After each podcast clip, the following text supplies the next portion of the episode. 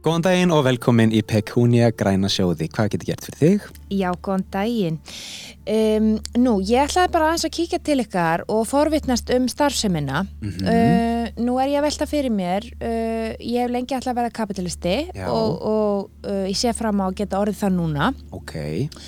Uh, hvernig virkar svona, uh, hvernig kem ég mér í gang, hvað er fyrsta skrefi mitt?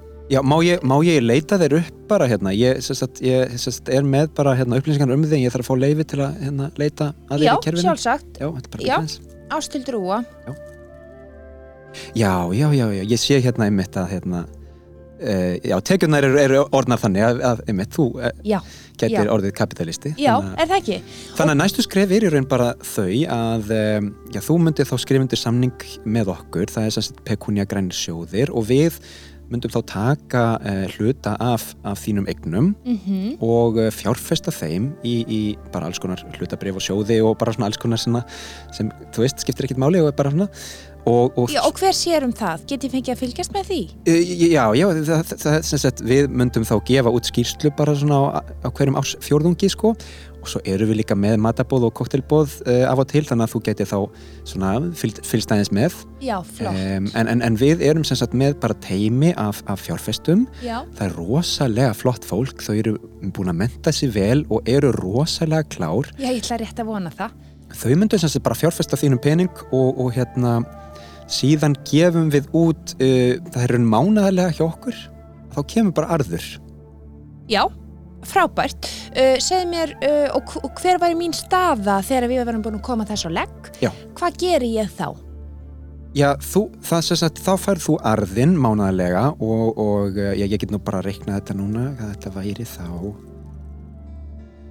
Já, það eru uh, samkvæmt hermuninni, samkvæmt mínum upplýsingum þá væri þetta cirka 2 miljónir á mánuði til að byrja með það er sem sagt arðurinn af, af þínum fjárfestingum um, og, og já, ef að það er ekki nóg þá gætum við lánað auka þar til að þínar fjárfestingar mæta því. En, en, en þú getur hérna má ég segja þú þetta mun hækka ef að sko, ef að allt helst óbreytt þá erum við að hugsa um að reyna að hækka þínar eignir, eh, að sem sagt auka þínar eignir um 10% á ári hérna í frá, þannig að þú, þannig að þú munt sjá meiri, meiri arð en, en, en til að byrja með það væri þetta svona 2 miljónur mánuði. Já, get ég fengið að tala við forstjórn? Uh, hann er því miður ekki við uh, akkurat núna, en, en hérna ég get skilja eftir skilabóð bara eh, Já, endilega gerðu það og leið mér að tala við hann uh, því ég hefði viljað hækka prósentuna. Já, já, já, já, já, en uh, þetta hljómar allt ágætlega. Uh, látt hann bara ringi í mig Já. og uh, ég kem þá aftur uh, þegar ég er búin að heyri hún Já, já, já, já, hann, hann getur heyrt í þér og, og, og hérna, einmitt það er ekkert mál og, en, svo vil ég líka bara benda á að við hjá Pekunja grænum sjóðum erum með fríðindi, það er alls konar fríðindi og það hérna, við erum sem sagt með til dæmis tennisklúb sem, sem er, opinn fyrir meðlimi og, og, og þú sem kapitalísku meðlimur gæti þá komið í tennisklúbin og, Já, meiri já, með sko. já, já. Myndi- Eru þið- eru með eitthvað konar uh, svona uh, bóli eða húfur til sölu þar sem að stendur að ég sé kapitalisti Já, það eru svona helgalar sem við erum með sem, sem, sem ástendur bæði kapitalisti og, og, og hérna þetta er svona eiginlega eins og fótboltatreyjur sko að þú ert með nafnið þetta fyrir aftan og, og svo eru Pekunja græni sjóðir fyrir framann Já, já, já, já, já, já, já, ok. Já, ég vissi ekki að því. Heyrðu, ok, nei, hérna, uh, ég ætla bara að skrá mig. Já. Frábært þá bara skrá í því hérna. Við erum með sem sagt eh, svona intökubóð, svona koktelbóð og, og hérna við gerum það mánaðarlega fyrir nýja meðlumi Já, þannig að það væri þá föstarinn næstu viku. Já, frábært. og ég skrái því bara hérna. Ertu með blúsett Ég er með einn, já, ég ætlaði einmitt að spyrja. Herðu, þá segi ég bara velkomin í Pekunja græna sjóði og bara velkomin í kapitalska eh, samfélagið. Ó, takk fyrir.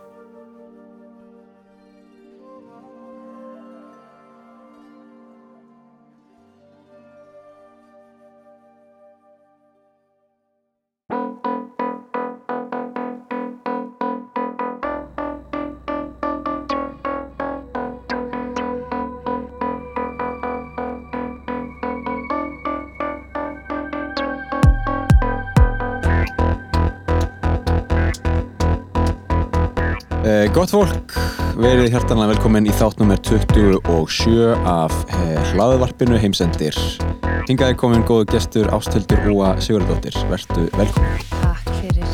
Hvað segir þú gott? Ég segi ljómandi gott bara. Það ekki? Jú. Við erum að tala um, um það er sko umræðafnið kapitalismi. Já. Uppáhaldið þitt. Já, já, já, já. Ég er þekkt fyrir það. Þetta er uppáhaldið mitt. Já. Þú ert auðvalds sinni. Já, algjör. Auðvaldi í fyrsta sæti. Sko. Já. Já, já, við hérna, við skoðum hann betur eftir. Þetta er náttúrulega sko, uh, til, að svona, til að ávarpa það, þá er þetta uh, annar þátturinn í röð sem fjallar um kapitalisma, nema hvað, að hinn uh, þátturinn, fyrir þátturinn, hann var meira á svona fræðilegum nótum. Hann var meira að skoða hvað kapitalismin er og kannski bera saman við önnur kerfi. Við ætlum að fara á dýftina. Yes sir. Við ætlum að skoða hvað kapitalismin gerir Já. og hvernig hann byrtist fyrir okkur á Íslandi. Já. Hvernig hann byrtist fyrir okkur sem einstaklingum. Mm -hmm. Er það ekki? Jú, ég til ég. en byrjum á hérna aðeins almennari nótum. Já, já. Ég er með nokkra svona almennari spurningar. Ok.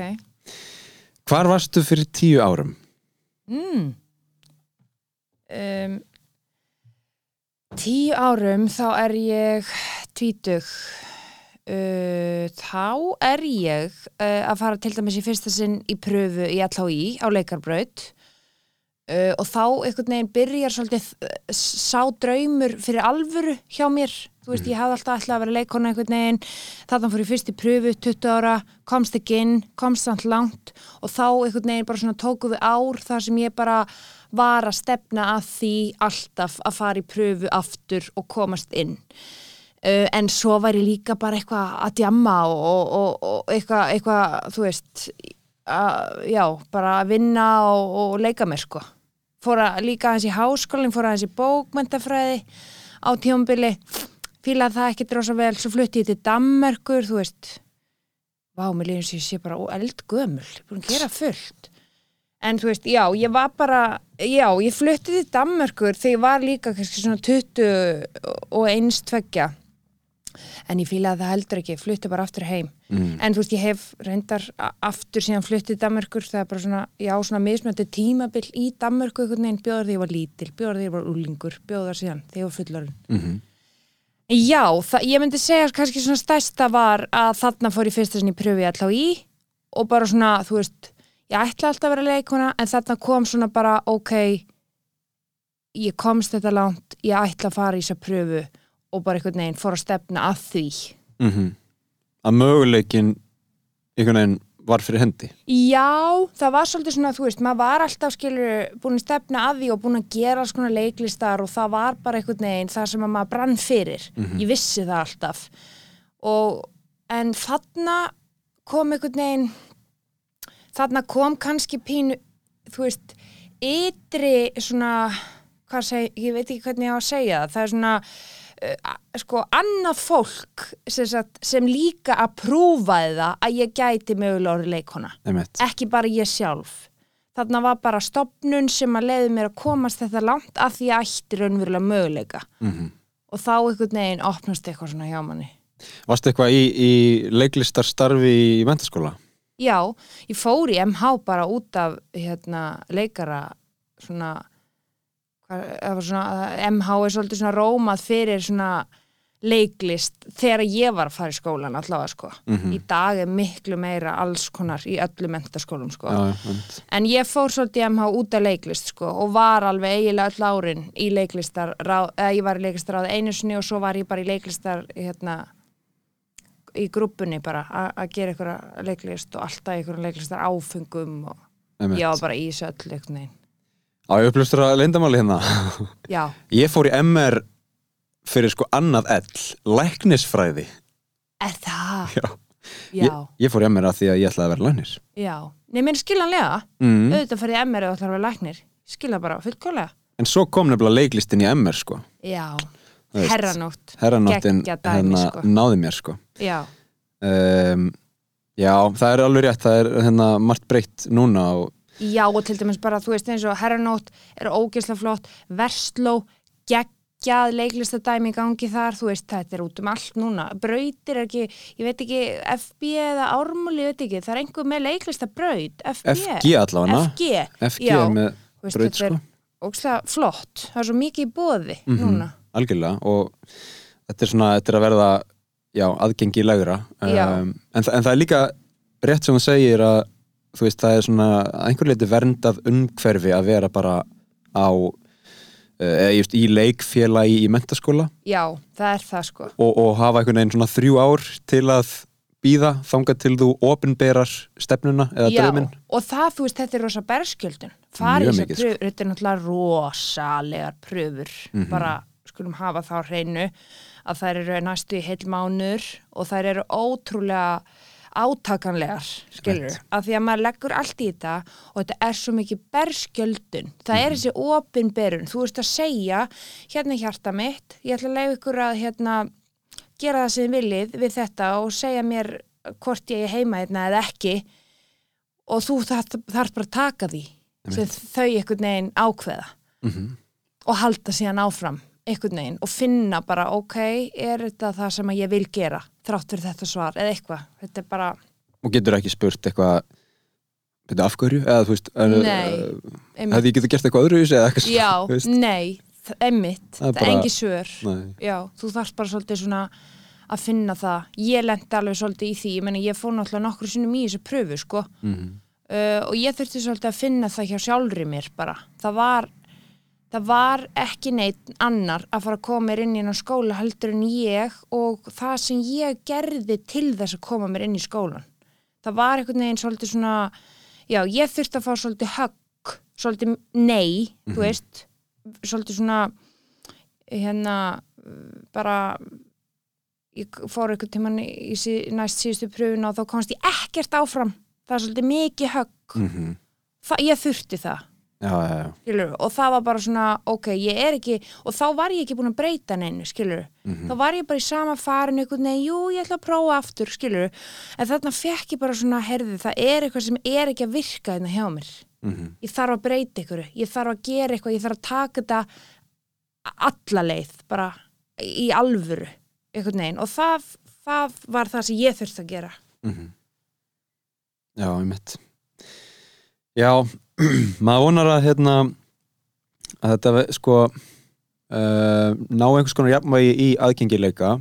Mm. þetta, þetta náttúrulega á að vera krefjandi og já, líka bara því að námið er svo krefjandi algjörlega. að, að hérna það er ekkert, maður gerir engum greiða með því að fólk fari inn sem er ekki einhvern veginn tilbúið í það. Nei, en á sama tíma þá eru þessar pröfur náttúrulega stórt skref og veist, kannski kannski hefur COVID haft góð áhrif á það þannig að, að hérna, fyrsta skrefið sé um, myndband eða þú veist já, er það svoleiðis núna? já, var alveg þannig held ég sko Já, Um, það meikar alveg sens með að það sé COVID sko. Já, annars er maður nú ekki sérfræðingur í þessum fræðum sko bara Nei. leikmaður Já, algjörlega, maður er bara að tala út, frá- út frá sinni reynslu sko. algjörlega En fyrir fimm árum, hvar varstu þá? Uh, Býðu nú við. Það, Já, þá, sko, 2017 þá, ha, 2017? já, þá er ég svolítið ennþá bara í þessum kurulbil sko. Ég kemst inn í skólan þegar ég er, nei, ég, þá er ég bara komast inn í skólan. Ég Mhm. komst inn 25 ára. Já, já, já, já Ég komst inn 2016. Nei, jú. Sko ég komst inn 2018 19. Ég komst inn 2016 og, Já, af því að já, var ég já, í skólanum. Einmitt. Já, Árganga þeir eru eitthvað röglegir Já, já, já, þá er ég bara held ég, þú veist, á fyrsta eða öðru ári. Fyrsta ári öruglega bara. Jú, þetta er rétt já, 2016 af því að Já. ég man að þá fór ég einmitt pröfu líka og síðan var hérna gap year Já, Eftir já, það, þá fór ég akkurat. til London, Ó, sko. Það er svo æðislegt eða eitt og heldur. Þetta ár í pásu. Gap year. Já. já, þetta spannar ég meina ef þú ætlar að fara í pröfu ef þú ferði pröfur í nokkru sinum skilur þá getur þetta spanna bara alveg sex, sex ár þessuna Já, já. skilur af því það er alltaf eitt þarna ára á milli við enga pröfur Heil læknisfræði heil læknisfræði, farin bara í hvað rugg einmitt Nei, nei, hérna Þetta er áskorun. Uh, hvernig Já. byrjar uh, þetta ár, 2022? Ú, já sko þetta byrjar bara þú veist sko ég, nú, það fyrst, þetta úh var sko að því að við erum bara búin að vera standið svo miklu veikindum við já, litla stelpu hérna, hún er eins og eh, nei, hún er 20 mánuða og hún er hjá dagmömmu og hún er bara alltaf veik þannig hún á veik, kæristi með á veikur allir, þannig við byrjuðum svolítið árið á því þessu sko. En ættum sko að taka árið með trompi. En það er svona kom strax þessi veikindalag sem að maður er bara í með lítið badd, það er bara svolítið þannig sko. en það byrjaði nú samt bara rosa vel, ég var að klára að taka upp hérna, stundina okkar uh, aðra serju, nýju þáttaserju með nilla mínum. Og það er bara indislegt, það er rosalega skemmtilegt verkefni og, og hérna, við erum svona tiltölulega nýbúin að klára tökur á því, þannig að það er já, þetta er svona þetta ég myndi segja, það er góð byrjun hitt er bara lífið, skilja Já, já. Og nóg eftir af árinu. nákvæmlega Það er þetta að taka trompin alveg hér og Svo það. sko. handboltinn maður, mér finnst rosa gaman að fá hann handbolta inn sko, ég er alveg bara sveitt að fylgjast með þessu sko. Já, ertu gömul handbolt að kempa? Nei, ég er það alls ekki, en handbolti er svona eitthvað sem að ég er svona, ég, ég er alltaf rosa spennt fyrir handbolta. Og ég var það líka sko þegar þú veist Óli Stefar í liðinu þegar ég var yngri. Og ég man bara hvað ég var ógeðslega spennt, ég var alltaf að horfa sko, en ég var ekki handbolta eða neitt, en það, þetta er bara eitthvað svona keppnismanniskan í manni sko. Mér finnst sjúklega gaman að horfa á þetta sko. Þannig að finnst ógeðslega gaman að fá þetta inn í janúar sko. Einmitt. Já, þetta er mjög skemmtileg hérna, íþrótt að horfa á, sko. Já, þetta er það sko. Hvar líður þér best? Mm. Sko, hvar líður manni best? Og alltaf sé ekki bara, þú veist, mér, sko, það fyrsta sem mér dættur í hug er, sko, staður, það er sveiti mín. Mm Ég er mikið alveg upp í sveit. Það er enda búið að selja hana, það er selja bóndabæðin frá Emafa og ég sé alveg gríðal eftir honum, en þar er ég mikið alveg upp og þar er einhvern veginn bara svona minn, þú veist, það er bara svona minn gríðar staður, einhvern veginn. Ég elska að vera upp í sveit. Þannig að ég, það er svona fyrsta sem kemur til mín, en mér líður best bara þegar ég er með litlu stelpunum minni og, og kærstan mínum og við erum heima að dansa við eitthvað lag, sko. Þú veist, það er bara lífið, sko. Það er mjög gott. Já. Hvar er sveitin? Hún er bara hérna á Söðurlandi, er rétt hjá flúðum. Já, já, já. já. Skeiðin, heit, eh, skeið, skeið, skeiðin, skeið, já, hún heit það. Sveitin skeið. Já, ja, sko, hreppurinn heitir sk- skeiðin. Já, já, já. Skeið, já, skeiðarhreppur. Ég er ættið frá skeiðarhreppu og hrunamannhrepp sem er hlið við hlið. Einmitt. En já, hún er bara þannig, það er ekki langt að keira, bara svona klukktíma eða eitthvað.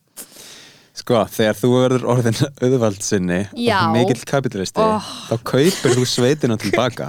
Já, ég veit það, ég mun gera það. Oh, byggja þar einhvers konar hérna einhvers konar yðnverksmiðju Já. fyrir auðvaldið já, já, bara rísastór gróðurhús sem hérna rækti eitthvað áskunda. já, Nei, ég, ég, ég er í sama pakka, sko. Ég á svona fjölskyldu sveit sem, sem var seld á einhvern tímabotið, sko.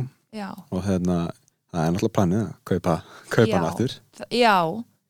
Sko það er það er ótrúlegt hvað það situr í manni sko, ef maður er eitthvað smá alin upp á okkur svona stað það eru svo mikla rætur þar. Og þetta er einhvern veginn svona það er svo gott að geta farið út á land og einhvern veginn bara svona svona veist, þetta er bara eins og djúb slökun andlega Mm að komast út, út á land. Já. það bara svona slaknar á öllu og maður bara einhvern veginn svona nær andanum.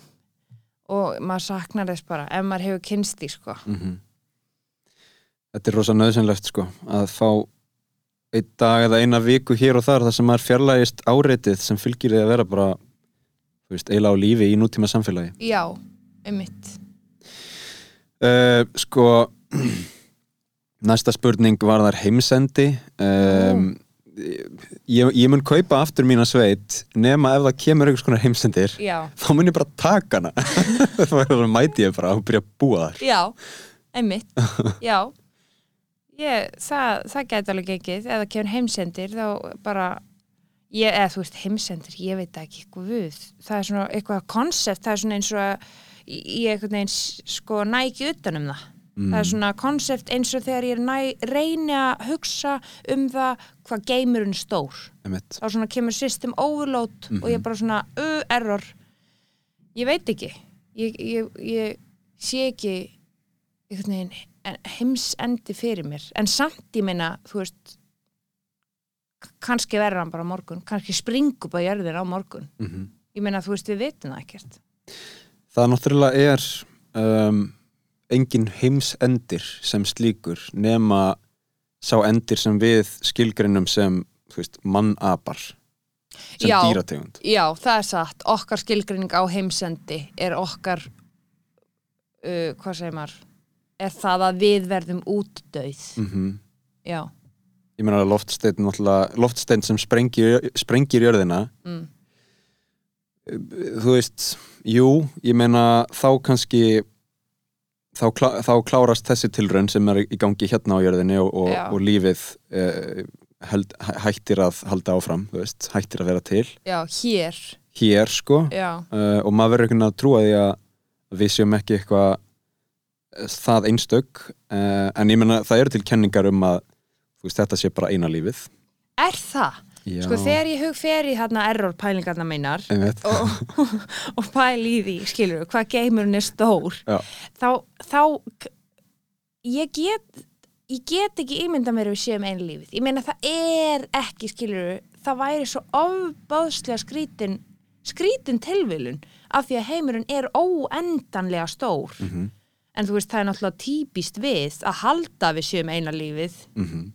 þú veist, bara eins og við heldum að við varum miðja alheimsins. Já, miðja sólkyrjusins, Já. þú veist. Algjörlega. Naflin, já, já, ég meina ég held að tölfræðin hljóti að, að benda til þess að við séum ekki einu á báti. Nei, Um, ég held að geta ekki verið. Það er líka, það er líka svolítið þvert á okkar eðli já sko þó að þetta er svolítið rétt þér að hérna, það er í okkar eðli að upphefja okkur sjálf, já, en þá er samt líka þvert á okkar eðli að um, hugsa um það að við séum bara eina, ég menn það er svona það er svo einmannlegt, það er svo já það er það óhugnalegt er óhugnulegt já, sko. þá einhvern veginn fer maður að líta á geiminn sem bara rísa stórt tóm svarthól Bara svarthol, sem sko. gleipir okkur bara já, einmitt. en ég er alveg sammála ég meina maður hérna fer í smá overload og fer að svitna á enninu og okkur svona já svona en þetta er skemmtilegt sko, það er gaman að pæla í þessu en maður getur svona, maður þarf að mikrodósa pælingar af þessu sko. Maður getur ekki pælt og mikið í þessu. Veist, maður þarf bara að skilur, fara út í bakari og kaupa sér snúð og bara svona komast nýr á jörðin aftur, þú veist, Einmitt. en þetta er þetta eru skemmtilega pælingar samt sko. Mér finnst hvernig maður hérna, hvernig maður sko uh, notar oft afþreyingu eða hvort sem það er sjónvarsefni eða, eða hvað annað sem einhvers, einhvers konar dós þú veist, einhvers konar dósats skamta stærð um, þegar ég er búin að horfa á einhverja hellaða vísindamynd þú veist vísindaskáldskap já, endimörk alheimsins, svarthól og eitthvað svona rugl já. og það maður að taka eitthvað algjört léttmeti í Já. framhaldinu. þú ert bara að horfa á Friends. Já, það er bara beint í Friends. Kjarna sig. Já, kjarna sig í Friends. Ég gerir það. Já, ángrið sko. Maður getur ekki fara að sofa eftir Svartholið, sko. Nei, ég, úff. Horfir á þetta rétt fyrir svefnin Nei, ég verð að taka einn ein þátt af einhverju öðru Já. rugli sko. Um, ég, Hvað ert að horfa á? Hvað eru svona, þú veist, ég er ekki mikið vísinda Þú veist, ég myndi segja pass, takk en pass Þú veist, við svona vísinda skáldsögu myndum. Mhm. ég, En ég gef þeim ekki sens Þú veist, er, hvað Hvað er, hvaða myndir er þetta? Mér finnst þetta geggjað sko. Um, Interstellar er, er alveg svona Einmitt, ég veksi hana. Þú voru að segja hana Já, sko ég þarf að horfa á hana. Það er ein sem er svona vísindar hryllingur Nú, sem ég veit ekki hvort ég mæli með það því hún er alveg helluð. En hún Mm. heitir sko Event Horizon hún fjallar um gameskip sem fór í gegnum einhver ormagöng og uh, endar einhver staðar á hinum enda sólkerfisins. En, en hérna uh, eða hvort að ormagöngin voru þar og sko gamefarið einhvern veginn hverfur og enginn veit hvert það fór. Mm, og svo 20 árum síðar er sendt annað geimfar til að rannsaka fyrra geimfarið. Mm. hvert fór það þá kemur ljós að, að fyrra geimfarið er komið aftur og það fór í gegnum ormagöngin út úr okkar alheimi og þegar það kom tilbaka frá hinum enda heimsins þá var það öðruvísi, þá var það andsettið Mm. þú veist og allt inn í því var illt Ó, þetta er svo mikið við Já. líka sko eitt, að halda einhvern veginn að það sé eitthvað svona eitthvað geimverur sem tak okkur og eitthvað illt bara að því við þekkjum það ekki. Já og þar var sko kenningin að alheimunir er ógisla stór Já, en hann er samt endanlegur. Já. og fyrir utan alheimin hafi bara verið helvíti Ó, þú veist, guð, já, ok. actual helvíti. Já, um, úff. Þetta er mynd frá 97 eða eitthvað þannig að það er Nú. svona áhugavert að fyrir 25 árum þá hérna hafi fólk verið að í þessu? Sko, hérna, mér dettur eitt í hug sem ég langar að skjóta inn, sem er líka alveg, sko ég verð alveg bara mér finnst það svo óhugnalegt Mhm. hérna, að þú segir gameskipið fór niður ánúgöngin og hvarf. Nú man ég ekki, ég, ég man ekki einu svona alveg hvað þetta heitir, en þetta heitir eitthvað svona, eitthvað þrýhyrningur þar sem eitthvað flugvilar hafa horfið. Bermuda, já, er það það? já ég held að. Veist, er, er það ekki er það bull? Ég meina, hvað er það? Einmitt. Ég hef ekki kynnt mér Bermuda þrýhindingin um, en ég hef, þú veist ég hef hlustað á hérna til dæmis hlaðvörp um, um allar þessar flugvélar sem hafa horfið, sko hvort sem það er þar eða þú veist MH370 Mm. uh, Malasíu flugvélin sem bara hvarf fyrir nokkrum árum um, Er þetta kannski bara við að búa til ykkur sögursagnir um ykkur flugvili sem hafa horfið og bara ekki fundist? Ég veit ekki. Ég, náttúrulega, á sama hátt og alheimurinn er óendanlegur uh, þrátt fyrir hann sé endanlegur um, óendanlega stór í okkar hugum allavega þá er þú veist hafið bara óendanlega stórt í okkar hugum og ég veit ekki hvort að við sko getum tekist á við þessar stærðir Nei. eða hvort við þurfum að finna einhverja svona Einhverja, eitthvað svona, það tók eitthvað þessa vél. Já, Já, eða kannski, ég veit ekki, kannski er það eitthvað líka fyrir, ég veit ekki, já, nei, ég veit ekki. nei, en maður það líka passa sig að vera ekki of mikill eitthvað vísinda sinni og hérna, efa hyggju maður að þú veist eitthvað, nei, þannig að þetta útskýra allt með vísindum Já, um mitt. ég veit ekki, menna, ég bara þekki það ekki og ég reyna að vera opinn gangvært líka ytri öflum Já, einmitt, einhver orku, einhver orku, einhver, Já. einhver yfirnáttúrulega þessum einhver, einhver sem við finnum. Já, einmitt. Já, jæja, auðvaldið. sko hvað er kapitalismi fyrir okkur Já, einmitt. Sko, um, sko þegar, ég bara, þegar ég hugsa um kapitalisma, þá fæ ég hroll. Nei, ok. Hérna, um, sko, ég sé fyrir mér kapitalisma svona yfir höfuð, eh, svona yfirvöld, búa til eitthvað kerfi uh, sem að við grípum, þú veist, einhvern veginn við, við sem neytendur býtum á agnið og, og, hérna, og, og viljum sem sagt uh, sko sko, yfirvöld búi eitthvað til sem við höldum að við þurfum. Það er, ég sé þannig fyrir mér bara kapitalíska verksmiðju og við erum þrælarnir í verksmiðjunni. Mm en við vitum það en við vitum það samt ekki. -hmm. og það, ég sé þetta pínu þannig fyrir mér sko. Og svo bara er þetta inn í líf okkar þetta stjórnar okkur rosa mikið sko Mhm. ef maður pælir í því og þetta er allstaðar þetta er svona kapitalismi snýst náttúrulega líka bara um það eignarétt og hvað þú átt mikið sem einstaklingur hvað, þú, e, hvað þið eigið síðan mikið sem þjóðfélag bla bla bla Mhm. þú veist.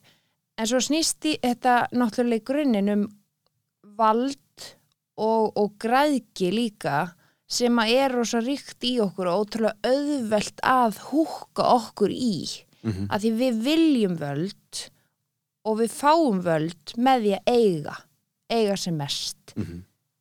skilur þannig að þetta er ég sé þetta svolítið þannig allavega í kringum mig í mér og í samfélaginu sem ég bý í.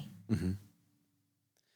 Algjörlega, þetta er kerfi sem setur af stað einhverja vél þar sem við, sko eins og segir búum til vörurnar, mm þjónustuna og svo neytum við hennar og þeirra líka. Já.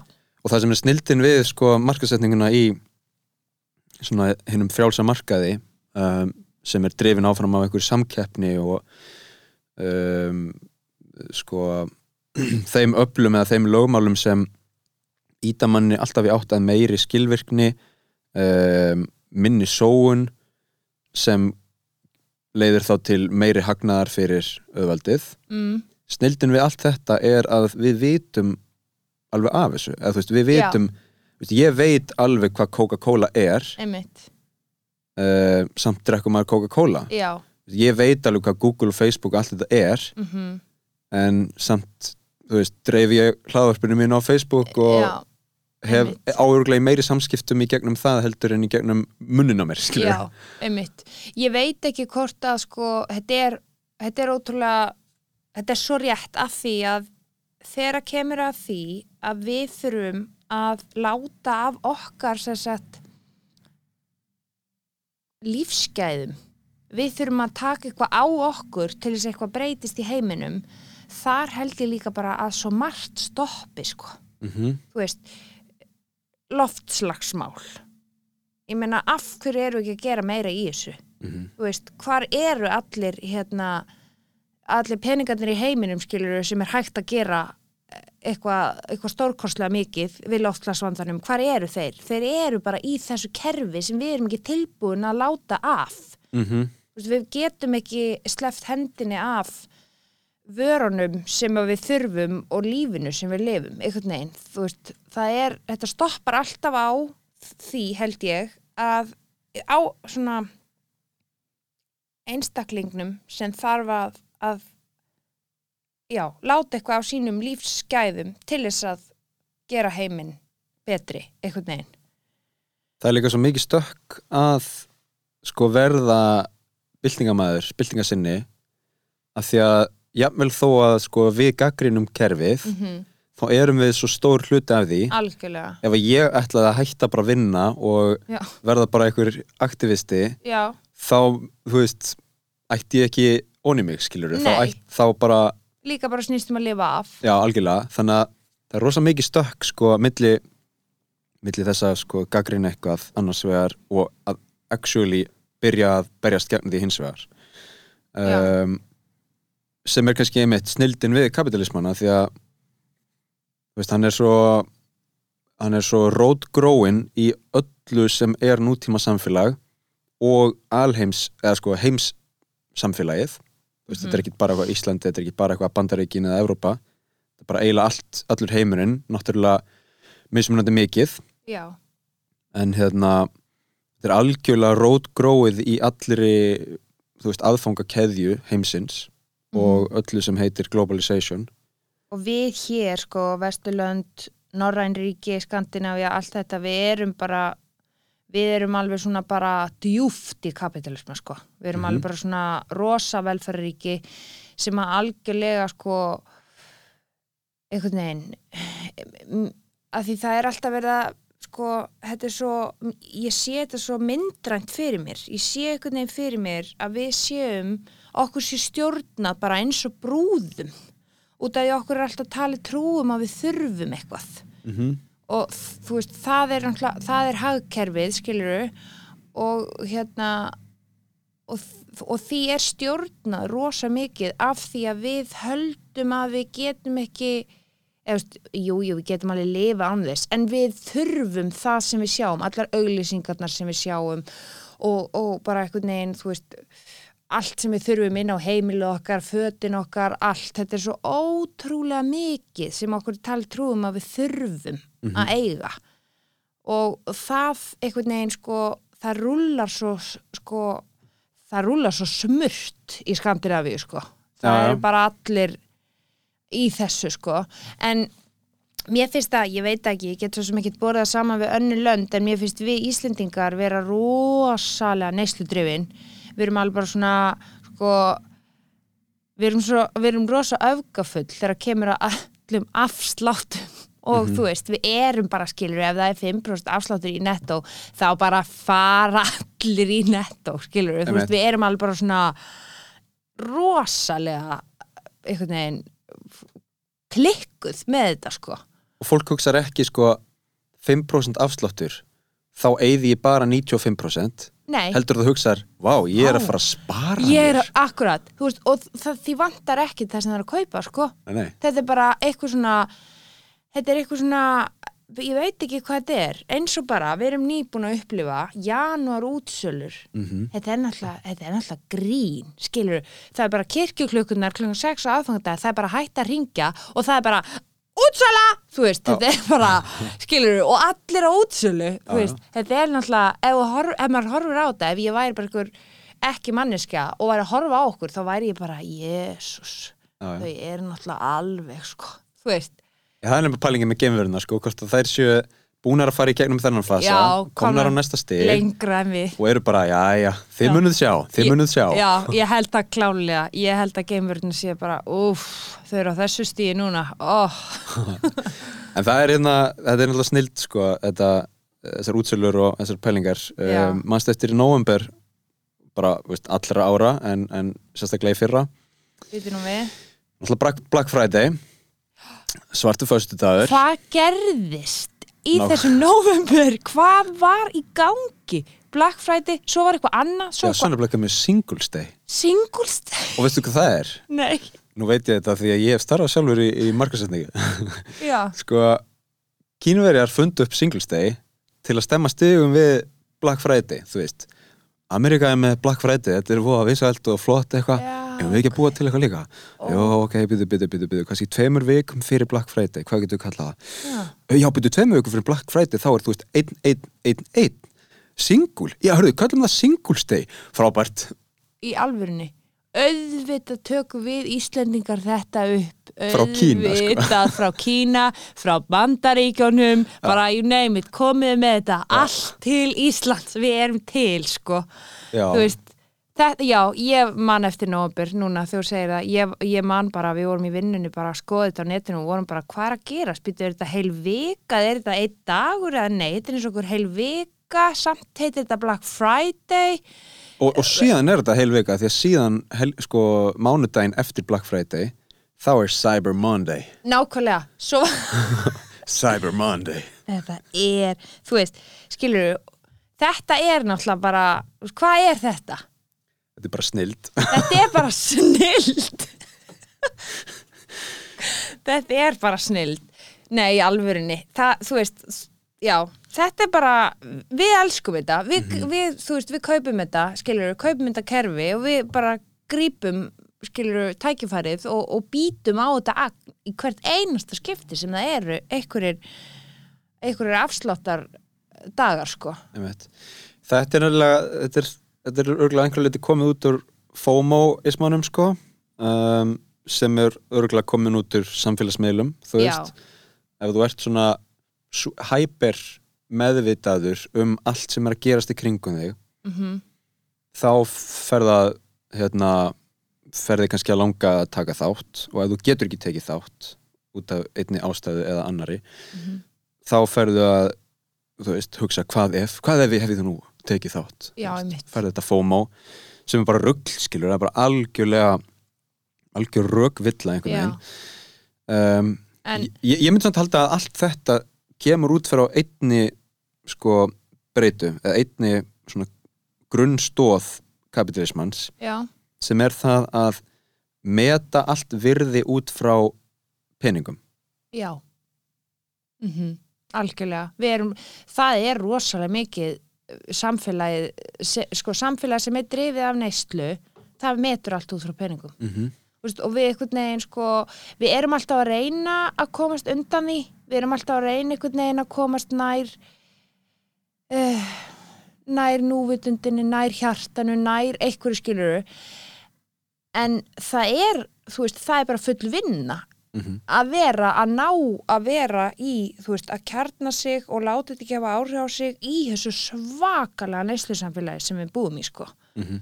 Og veist, til dæmis núna, sko, að ég er nýbúin að eignast bad, hún er, ég eignast bad, 21 reyndar, hún er 20 mánuða, en það eignast bad, það er eitthvað sko mesta svona, það er svona mesta neyslu rugl sem ég hef lent í sko. Því það er svo óbóðslega mikið til af dóti sem að þér talið trúum að þú þurfir. Þú veist, löngu áður en barnið fæðist sko meiri segja.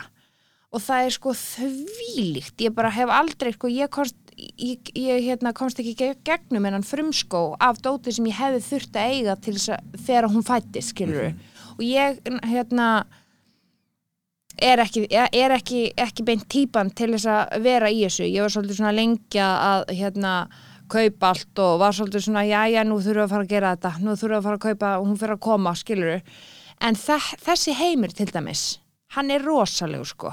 Og bara allt sem þú þarfst að eiga í, þú veist, eins og batnaherbergi batnaföt, batnaföt er rosa dýr.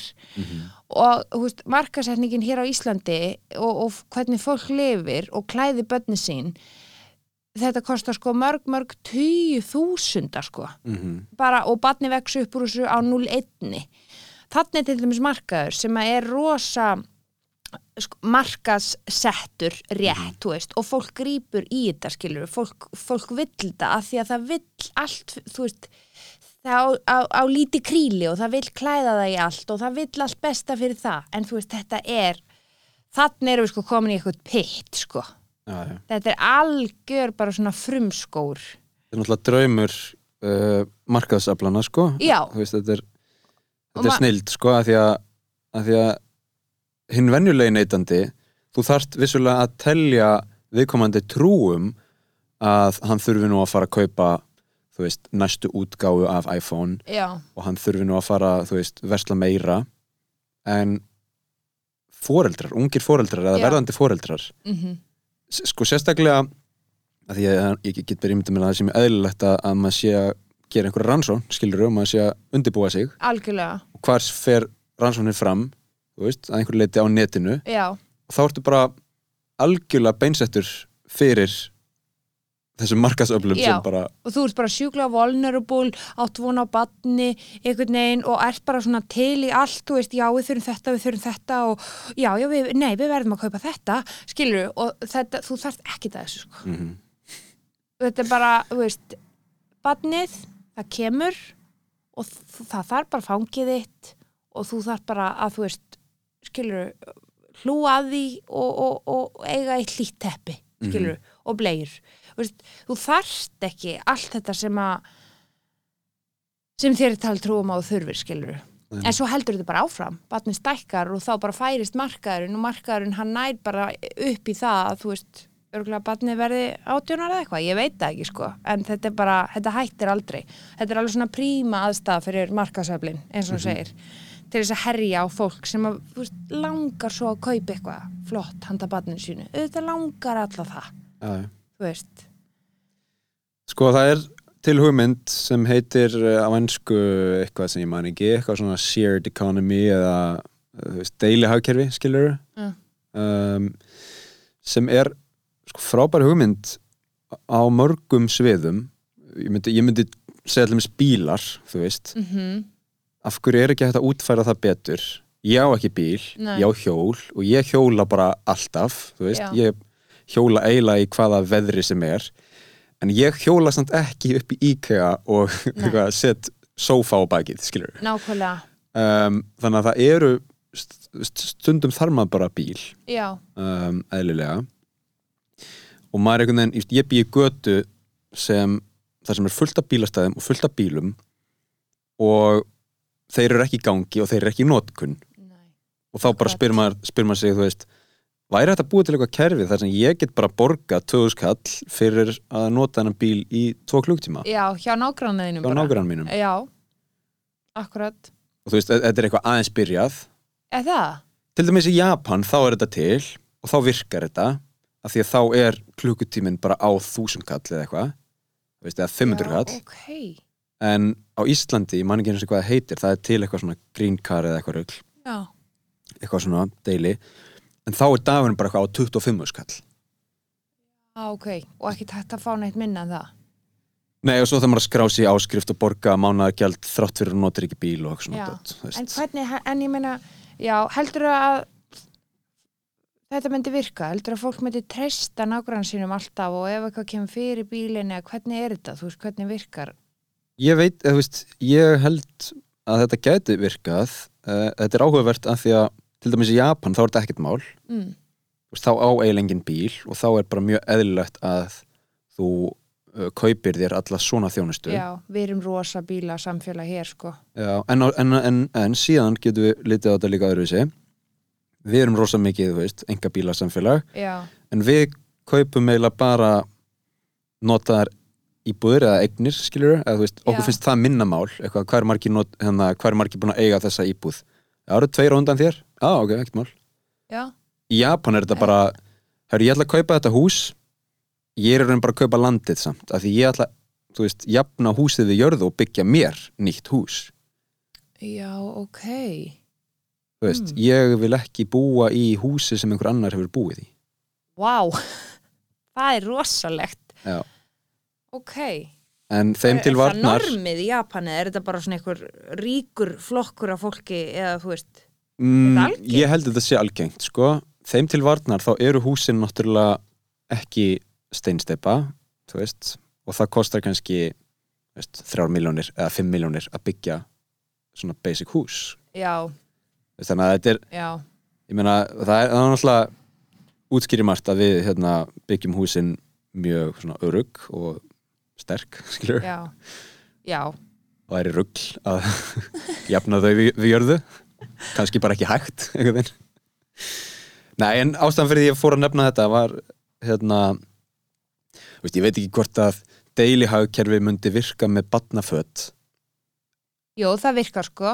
Já. Eða, þú, það er náttúrulega alls konar í gangi á Facebook og badnaloppan og eitthvað svona, Mhm. en það er, það er náttúrulega kannski, það er samt, þú veist, það er selt sko, en það er notað mm og það er á, kannski ákveðin, það er kannski einhver útgáfa deili hagkerfi, það er ódýrara og það er notað, það Mhm. er rosa vinsalt í dag, það er mjög sniðugt, það er barnaloppan og alls konar á netinu og eitthvað svona sem er einmitt. sem er mjög mikil svona já, í blóma núna þú veist, mjög margir nota það. Já. Ég held að segja að örgulega tvent sem kemur sem orsakar það sko, það er bæði náttúrulega bara hnattræn hlínun og loftslags, loftslags breytingar mm og, og viðundavakning um það það er rosalega sárt að kaupa þú veist, ný föt og nota þau ekki eða eitthvað, eða bara henda þeim. Um, og síðan er það hérna, kannski þetta við erum meðvitaður um hagkerfið og markasöflin og, og hérna uh, þú veist, þessar auglýsingar þú þú verður að fá nýtt og glansandi og svona. Mér finnst samt eitt, það er eitt sem hefur komið til mín svona undarförnu, sem tengist þessu kannski smá, sko uh, nú erum við nýbúin að kaupa okkur íbúð og gerðum hann upp og hérna og erum ennþá svolítið að vinna í henni en erum samt flutt og allt, búin að koma okkur fyrir. En í þessu ferli þá er ég bara svona að byrja að velta fyrir mér og horfa kringum mig og fólk á okkar aldri sem er að kaupa sinni fyrstu eign kannski og gera hann upp eða eitthvað svona. Og mér finnst uh, algengt hérna á Íslandi sé ég allavega, ég veit ekki, ég ger mér ekki alveg grein fyrir, kannski ég hef búið í Danmarku, þannig ég veit þetta er ekki þetta er ekki jafn algengt þar, þú veist, þar er fólk bara fjölskyldur kannski að leia íbúð bara í köpen, þú veist, og það er bara no big deal, það er bara eðlilegt, skilur hér eigum við íbúðir, þú veist, það er svona svolítið normi hér. En mér finnst fólk á okkar aldrei hérna svo fljótt komið á stað sem að mér finnist eðlilegt að vera komið á kannski svona 40 og eitthvað ára. Mm þú veist, það á allt inn í íbúðina. Þú veist, það gerir íbúðina upp í fyrsta lagi og það gerir hana alveg upp þú veist, bara flýsar, parkett, whatever bara og, og, og hérna skilur, þannig að hún er alveg spikkans ban Mhm. n- nýtt baðherbergi, bara, veist, allt þetta. Að gera íbúðu upp er ótrúlega dýrt. Þetta er svona 3-4-5 miljónir og ná bara kaupverðið sko. Já, þetta er bara ógislega dýrt dæmi. Mhm. og það fara allir bara í þennan pakka og svo eru allir með hérna innbú. Fullkomið innbú í íbúðina. Þú veist, og þarna er ég bara svona byrju, er ég búin að vera í dái í tíu ári eða þú veist, hvað er að gerast hérna? Er, þetta fólk er jafngamalt mér sko þarna finnst mér eitthvað skekki að vera uh, sem ég áttum ekki alveg á af því mér finnst svo eðlilegt að vera, mér finnst það bara búin að kaupa sér nýja íbúð og allt einhvern veginn, þú veist, þú ert bara þarna og það er alls ekki allt fullkomið og þú ert með hennar gamla sófa og sem þú hattar og elskar og það er bara allt einhvern veginn, skilur og það er bara lífið og svo bara, þú veist, með tímanum þá einhvern veginn byggiru upp byggiru þig upp í að vera komin með allt svona hvað segir maður, þú veist vera komin með innbúið sem þið langar í, vera komin með þú veist, drauma eldhúsitt bla bla bla, baðherbergi allt þetta. Mér finnst að þetta ætti að taka eitthvað svona ár skilur og í staðinn þá verður sko, verða þessir sigrar innan geðsaleppa já, sumabústaður í kjósinni. Einmitt og maður bara svona býtu ha, ha? Ég, sömabústar er eitthvað staðar sko á sko einhverjum lista í mínum haus bara sem er ekki til, skilur Mhm.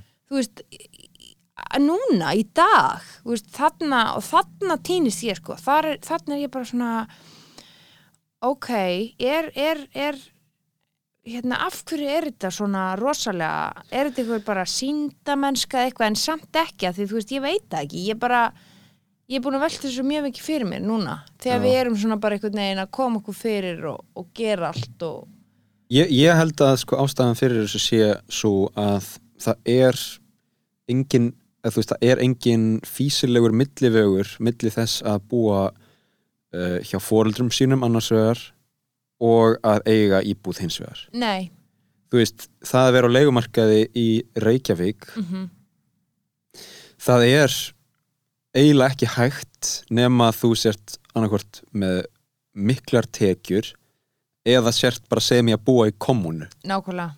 Það er alveg þannig.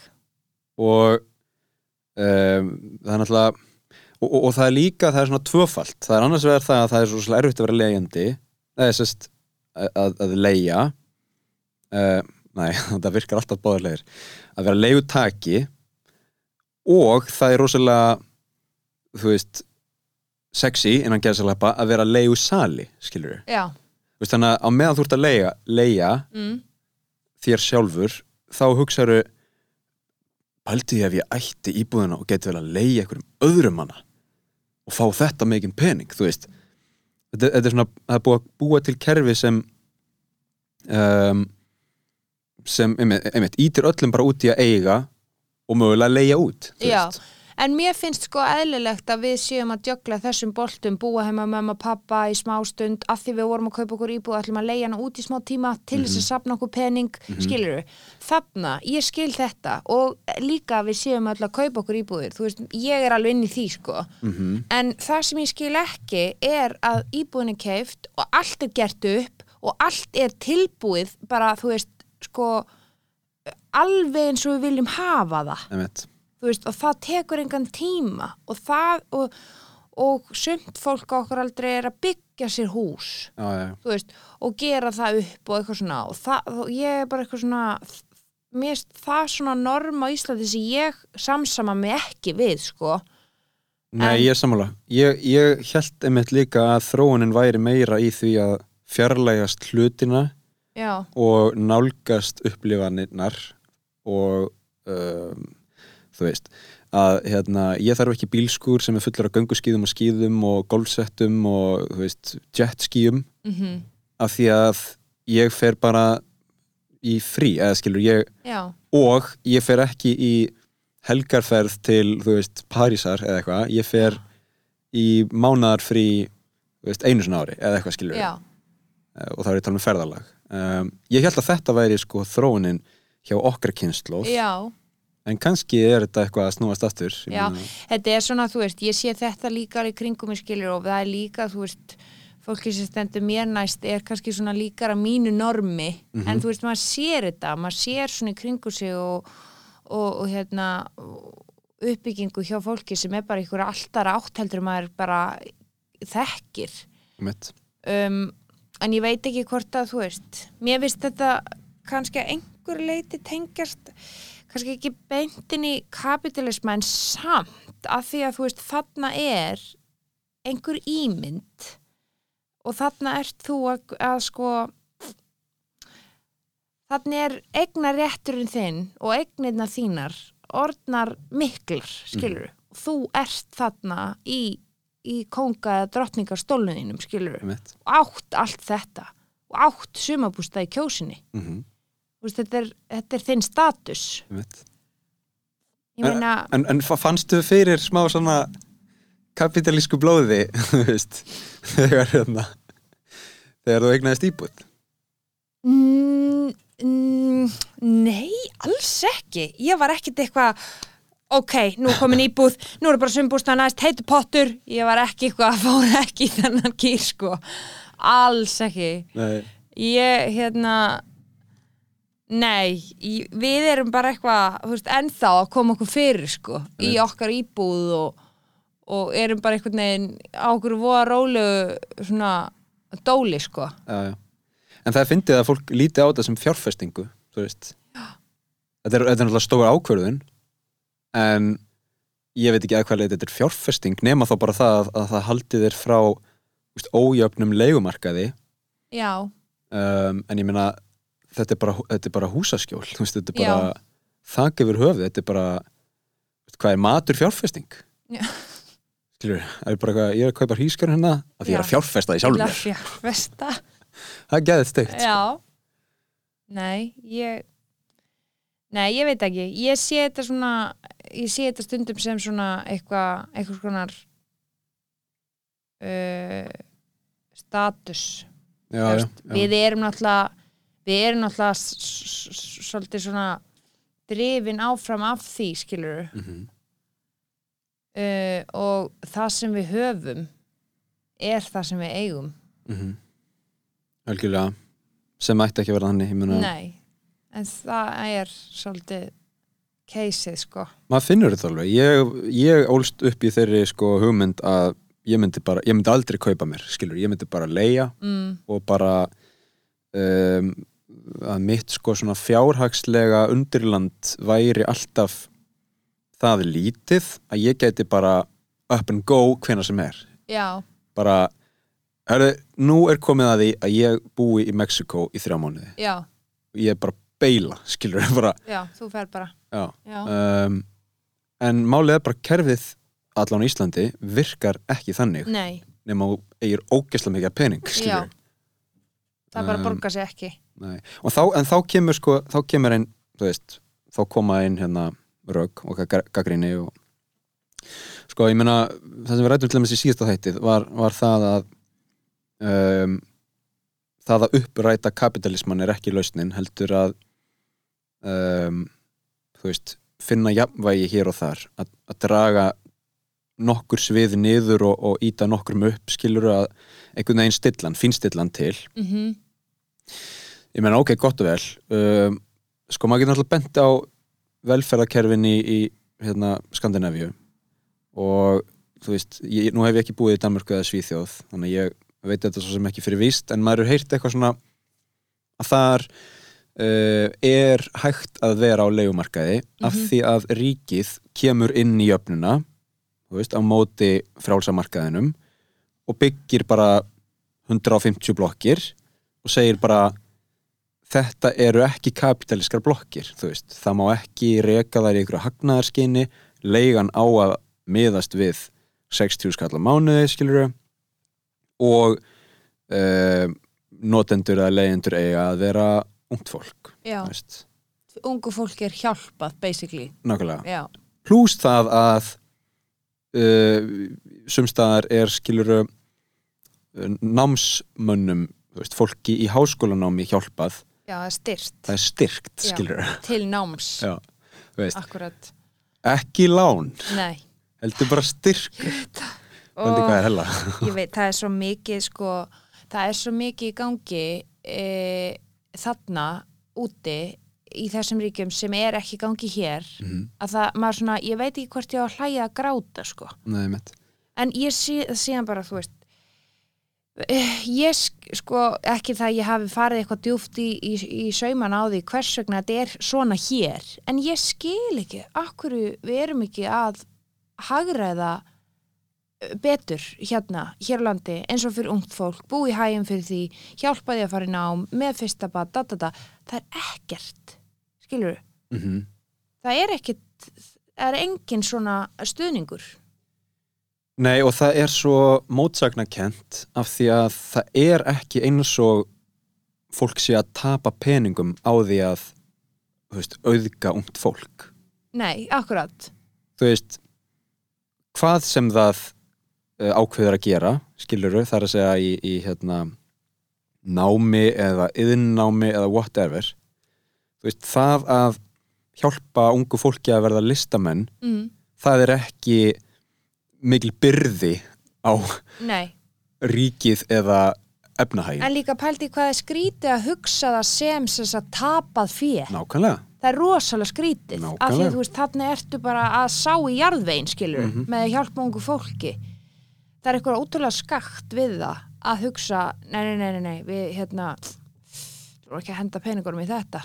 Skilur, Þa, það, er, bara- það er mestaruglið sko. já, ég, veist, ég skil ekki af hverju kapitalísk öll uh, á Íslandi átta sig ekki á því að það að styrkja kvikmyndagerð eða að styrkja ungt listafólk veist, sem, sem fer að mála myndir og skrifa bækur og gera tónlist uh, eða leikhús það er ekki einhver ölmusa. Akkurat. það er for lack of a better word fjárfesting, þú veist, það er bara 100% þetta er líka bara svo skrítið. Það er svo ótrúlega skrítið hvað er litið á listamanna laun ég meina hvað þú veist, getur bara eitthvað staðið upp og sagt bara, heyrðu, hérna, hvað ruggli er þetta? Mm Þú veist, hættið að að- að tala um þetta og, og, sjá þetta sem einhverja eins og þú segir, eins og einhverja ölmusu.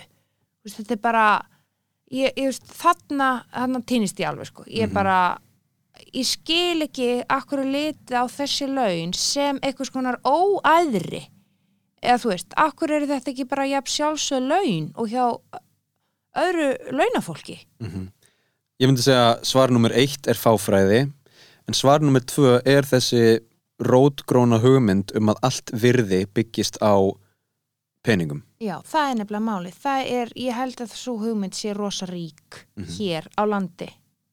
Og þess vegna segir fólk, þess vegna kemur fólk með fáránlegar hugmyndir sem ég ætla ekki einu svona kallarök eins og ef þú getur ekki lifað af sem listamaður þá áttu ekki skilið, þú veist, listamannlaun. Þetta er nú bara eins og að kasta fólk út í hríðabill, na nakið skilur og segja ef þú lifir ekki af hérna, þú veist, þá hérna, já, þá, þá, þá deyrðu bara, eða skilur þú veist, bara lifðu bara af, eða þú veist, þetta er bara meikar enga sens. Megar engansens. Sko, leikrit til dæmis og tónlist eru ekki verksmiðju framleitt í skilvirkum keðjum og kerfum eins og, þú veist, matvörur eða aðrar vörur Nei, eða leikföng. nei, og þú getur ekki skilið það þannig líka. Þú getur ekki, ekki- ætlast til þess. Þú ættir ekki að gera það. Nei, Ég meina, þú veist, meina, við, það er örgulega einhvern tímum hægt að hérna uh, henda einhverjum handritum í einhverja tölvu eða gerfugreind og út kemur, þú veist, nýtt leikrit og, og það er bara fínt, skilur við. mm, En er það kerfi, er það, er það kerfi sem við viljum búa við? já, einmitt. Eða viljum við að fólk sé að verja tveimur mánuðum ef ekki lengur í að skapa einhverja list sem kommentar á nútíman, fortíðina, framtíðina og það sem það er að vera mennskur Mhm. fyrir okkur hin að njóta. Þetta er náttúrulega störlun sko. Ég veit það. Þetta er alveg,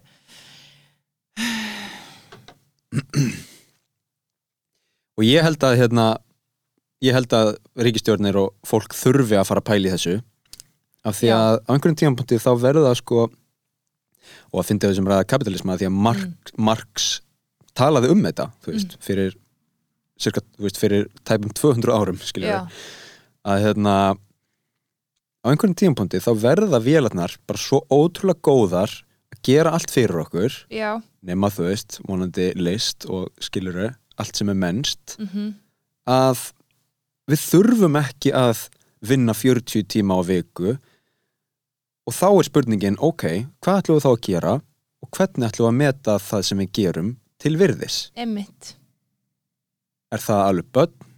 mm. Er það að búið til list? Er það að skipuleikja eitthvað sam samfélagsstarf?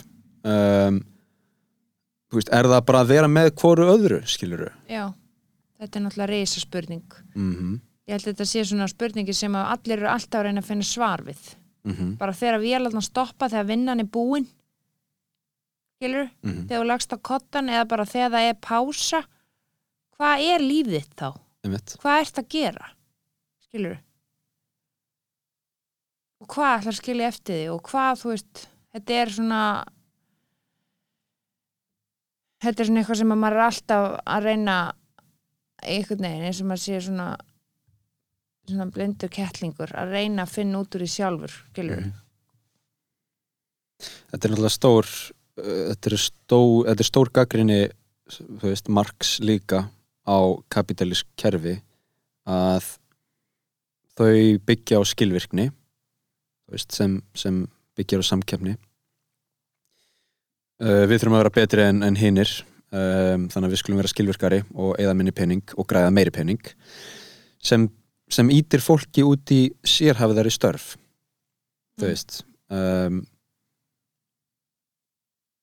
versus það að störfin séu eitthvað sem virkilega glæðir okkur og gefur okkur tilbaka nú er ekki að segja öll störfi í kapitalísku kerfi séu þannig en uh, mörg eru vantalega þannig að þú veist, fólki leiðist í vinnunni og fólk hugsar mm -hmm. bara fjórir tímar í viðbútt eða whatever, skilur Já, í staðin fyrir að þú veist, tökum bara dæmi, nú er ég hérna að smíða stól og það bara er bara geggjað og mér finnst það bara geggjað og Mhm. svo er ég búið með stólinn og þá getur fólk notið þess að nýta mína smíði eitthvað sem ég bjóð til já En svo er þetta sko, þú veist, ef maður fer onni líka saumana á því hvað kapitalismi getur verið ógeðslegur, skilur risa verksmiður út í heimi þar sem að fólk er að vinna fyrir sko skýta launum, þú veist, bara til þess að rétt svo lifa af með fjölskyldra sína, en það er að vinna hjá risa stórum fyrirtækjum, skilur Mhm.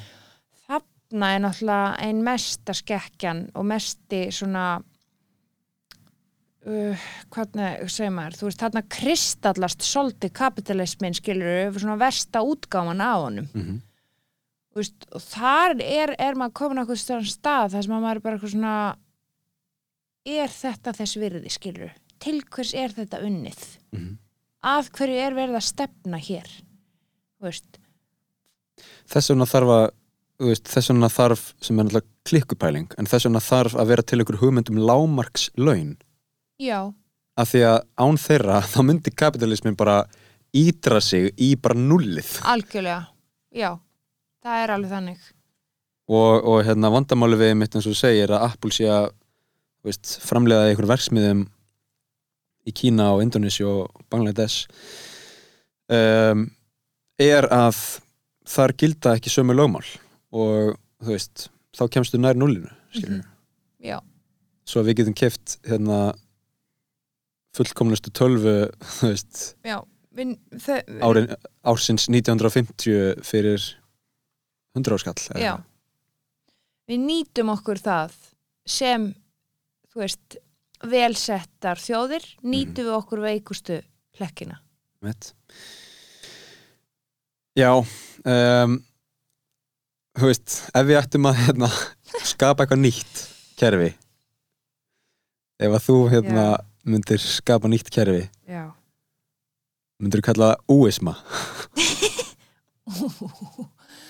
Úisma?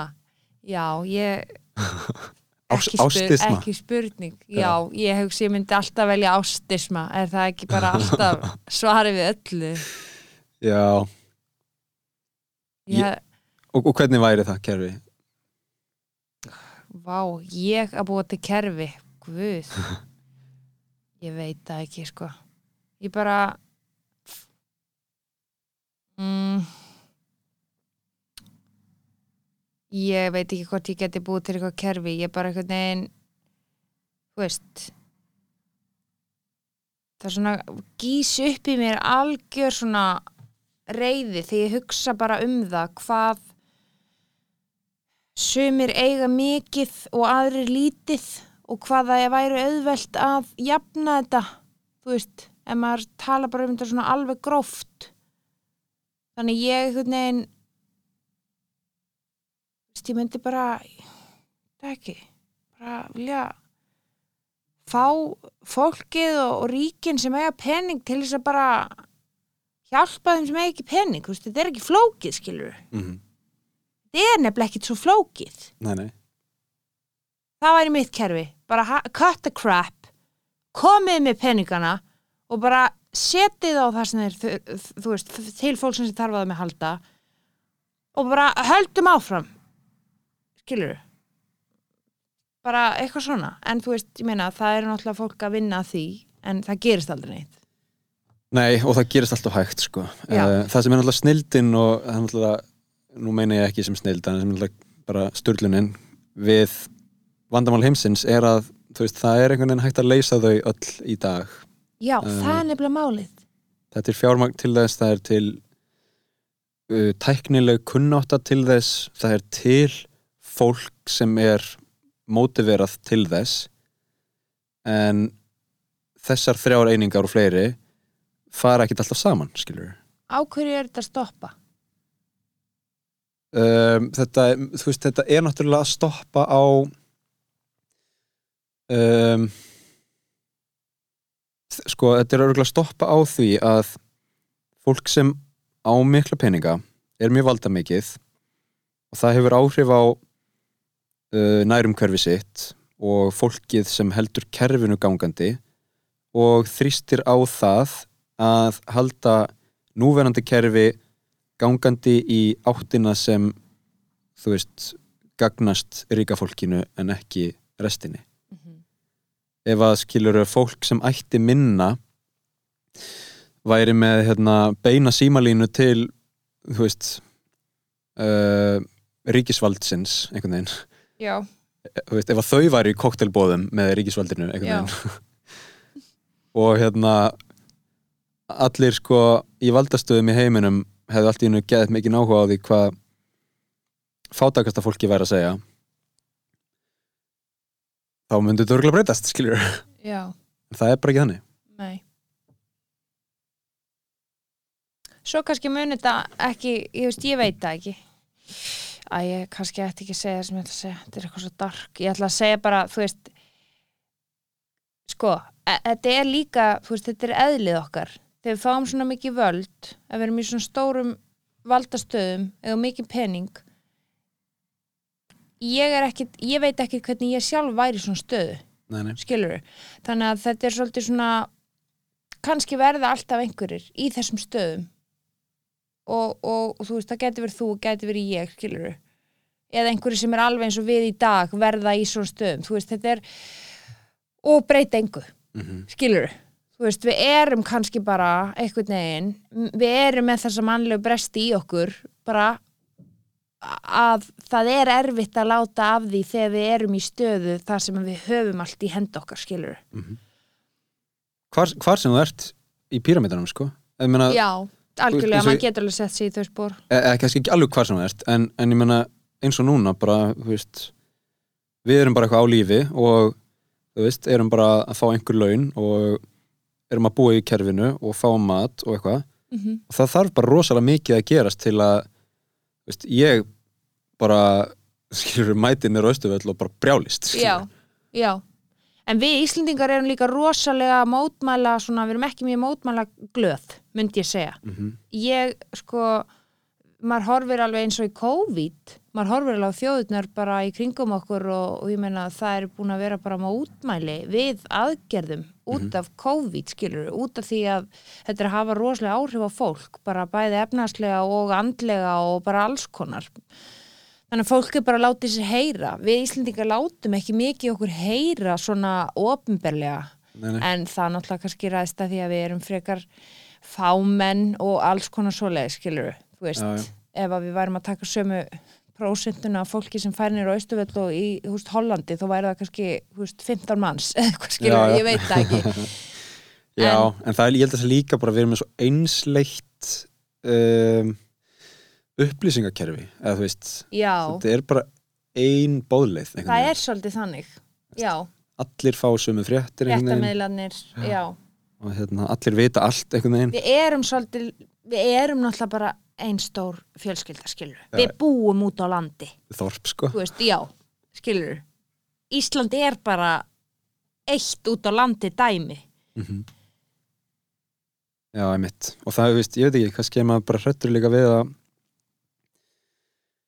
þú veist, ef maður myndi verða mesti aktivisti gegn kapitalismannum þá einhvern veginn er það bara mikill stimpill og Algjörlega, þá er þið maður líka sko, þú veist, þetta er eins og ég segi, þetta er svo lítið samfélag, það er svo mikið tekið eftir já, já, einmitt þú veist. Það er einhvern veginn, þú fellur ekkit í hópin, sko. nei, nei. Já, þetta er hella sko um, Að lokum, ertu með einhver nýjárs heit? Mm.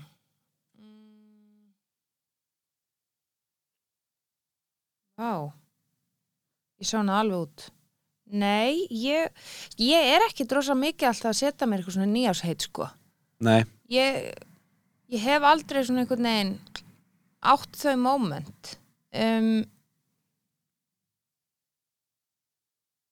nei, mér dettur, veistu það, ég er alveg blank. já Mér dettur ekkert í hug. þetta, sko, þetta spilar inn í markmiðasetningu en einhvern veginn ætti ekkert alveg að gera það sko Já, um, veist, markmið eru steikt að því að sko þau eru einhvern veginn þau verða að vera mælanleg og hérna já, þú verða að bera þið saman við aðra og eitthvað fylgjast með þú veist, hérna framgangi eða fylgjast með skilur hvernig gengur og, og ná markmiðinu að því að þá, þú veist, verður gaman. Já, en það er samt alveg, ég er alveg fylgjandi þessu, það er rosa gott að hafa sér markmið, skilur við, það er gott að hugsa, ég ætla, veist, þetta þarf ekki að vera eitthvað risastórt, þú veist, þetta getur bara verið eitthvað svona bara, ég ætla að, hérna, bera mig betra andlískrem, skilur við, uh, eitthvað bara svona, skiptir einhver máli, skilur við, ég veit það ekki, þú veist, ég ætla að gera eitthvað fyrir mig eða ég ætla að hætta að drekka Pepsi Max, Uh, þú veist,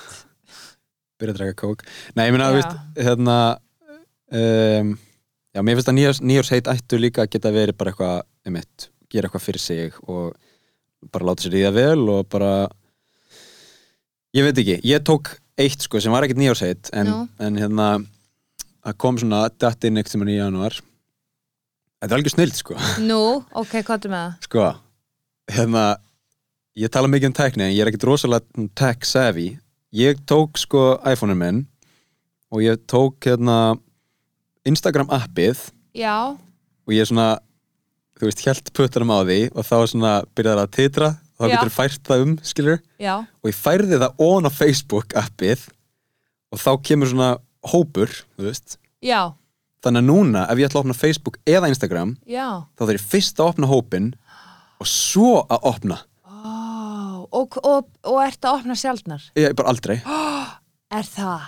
Ég var að segja við kærasta minn í gærkvöldi hérna ég er alltaf að opna síman farin á Facebook, Instagram og ég er ekki að gera neitt, ég er bara svona þú veist, ég sóna alveg út, ég er bara kannski að elda svo bara tek ég síman og ég er bara komin inn á Facebook, ég er bara eitthvað, hvað þú veist, ég fekk svona í gær bara heyrðu, þetta er nú, nú er ég bara, hérna þetta er bara svona eitthvað reflex. Mhm. Ok, þetta er mjög gott. Ég, já, þetta er ég þyrft að gera þetta, sko. Angris prófaði það og það væri sko ég væri jáfnvel til að að þetta virkar ennþá mjög vel sko hjá mér. Af því að maður opnar hópin og svo er maður eitthvað nei, ég ætla ekki að gera það. Veist, ég ætla ekki að fara á þú Instagram færð umhugsuna tíman nákvæmlega sko. Já, og svo setna mér kannski þegar hérna samfélagsmeðlunir er búin að ná mér aftur þú Já. veist, af því að þeir eru svo gáðaðir uh, þá væri ég til að fá svona fleiri skref, eitthvað svona góðan daginn, má bjóða þér að opna samfélagsmeðil, eitthvað, ég já. Uh, hvaða samfélagsmeðil Instagram. Ertu alveg viss? Já, þú hefur einn sens enn að hætta við. Vá, þetta er alveg svolítið góð hugmynd. Þú ættir að hanna þetta. Já, þetta væri snild sko. Já, þetta, ég myndi, ég væri til í þetta sko. Ég er farin að kíkja allt og ofta á þetta sko Prófa þetta og Ég hérna húka mig bara með þér í, í þessu heiti. Já, þetta er svolítið gott sko. Já, Herði, ástildur Úa, takk kærlega fyrir komuna. Takk fyrir mig, gaman að koma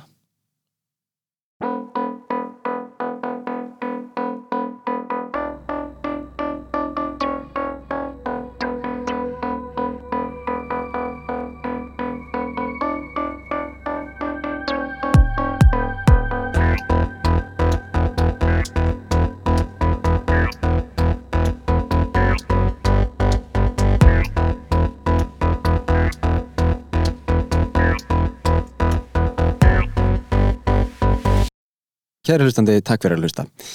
Ef þú ert kapitalisti eða ekki kapitalisti þá vil ég byggja þig um að kíkja inn á Instagram reikning heimsendis sem er heimsendir niðurstrykk podcast og skráðig. Þar eru myndir af viðmælendum og uh, öðru góðu stöfi sem tengist þáttunum. Síðan vil ég byggja þig að kíkja í Facebook-hópin heimsendir sem er held ég núna í 199 meðlumum þannig að þú gætir orðið nummer 200 ef þú skráir þig í dag.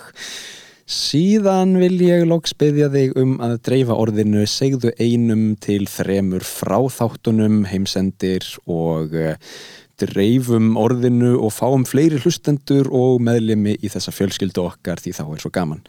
Takk fyrir það, takk fyrir að hlusta og við heyrumst í næsta þætti.